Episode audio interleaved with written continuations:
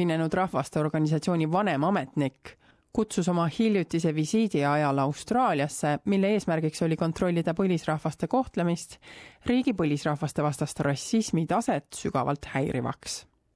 ÜRO eriraportöör Victoria Towley Corpus ütleb, et Austraalia vajab rohkem terviklikku inimõiguste raamistikku, et kaitsta põlisrahvaste õigusi Austraalia valitsuse kutsel veetis Tauli Corpus viimased kaks nädalat uurides üle Austraalia kestvat puuduse all kannatamise olukorda.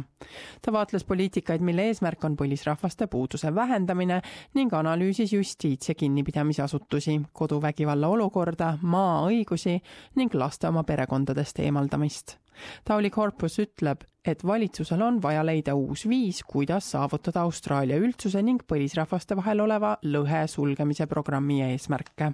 They have not been looking seriously into the social and cultural determinants to explain, you know, to explain why many of these targets are not achieved eriraportöör kritiseeris ka Aborigeeni ja Torrese väina saarte päritolu laste kõrget arvu noorte kinnipidamisasutustes.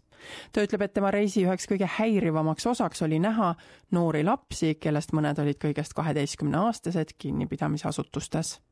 There's really an, an, element of hopelessness you know. They don't think that they have any future because many of them are are going to be arrested again. Those children don't deserve to be in the detention centers. I think that more resources should be provided. tema väljaütlemised tulevad ajal, mil käimas on Põhja territooriumis laste kinnipidamise ning kaitsmise alane kuninglik uurimine, mis valmistab ette oma lõplike uurimistulemuste avalikustamist vahearuanne maalib sünge pildi noortest kinnipeetavatest, kes Põhja territooriumi kinnipidamisasutustes on.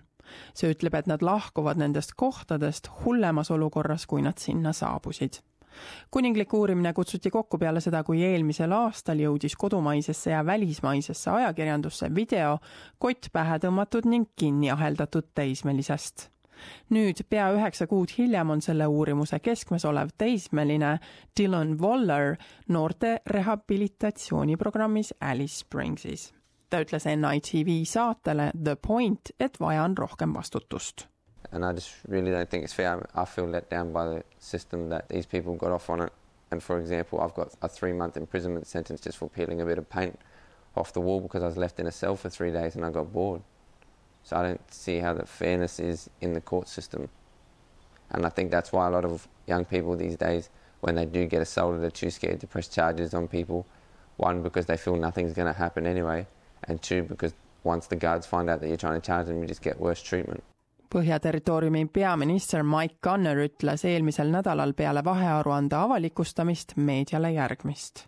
Their opening comments goes to a broken youth system, youth justice system helps nobody. A broken youth justice system fails Territorians. It fails the kids in our care and it fails Territorians who deserve a safe community.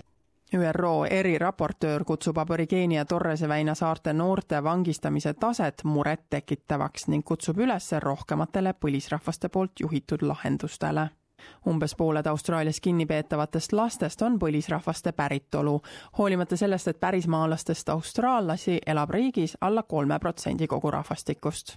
Waller ütleb, et kinnipidamine traumeeris teda, kuid rehabilitatsiooniprogramm, nagu seda on Bush Mob, kus töötavad pärismaalastest mentorid, on tema jaoks positiivne kogemus olnud I think the funding should be going more to youth activities and programs to stop them from having to need the police and more youth crime task force and stuff like that because if they get the uh, programs and stuff to help them, then the youth crime won't be going on, like drop-in centres and stuff like that. Most people that do stealing cars and stuff are because they're on the street walking around. But if they had a drop-in centre or somewhere like that, a 24-hour service where someone could just walk in and drop in and hopefully get a lift home or get a feed, something like that, then they wouldn't be doing the crimes that they'd be doing. peale oma viieteistkümne päeva pikkust visiiti kirjutab ÜRO eriraportöör Tauli Corpus aruande, mis teeb soovitusi ning siis kannab ta need septembris Ühinenud Rahvaste Organisatsiooni Inimõiguste Nõukogu ees ette. kuningliku komisjoni uurimise lõplik raport ning soovitused peaks üle antama esimesel augustil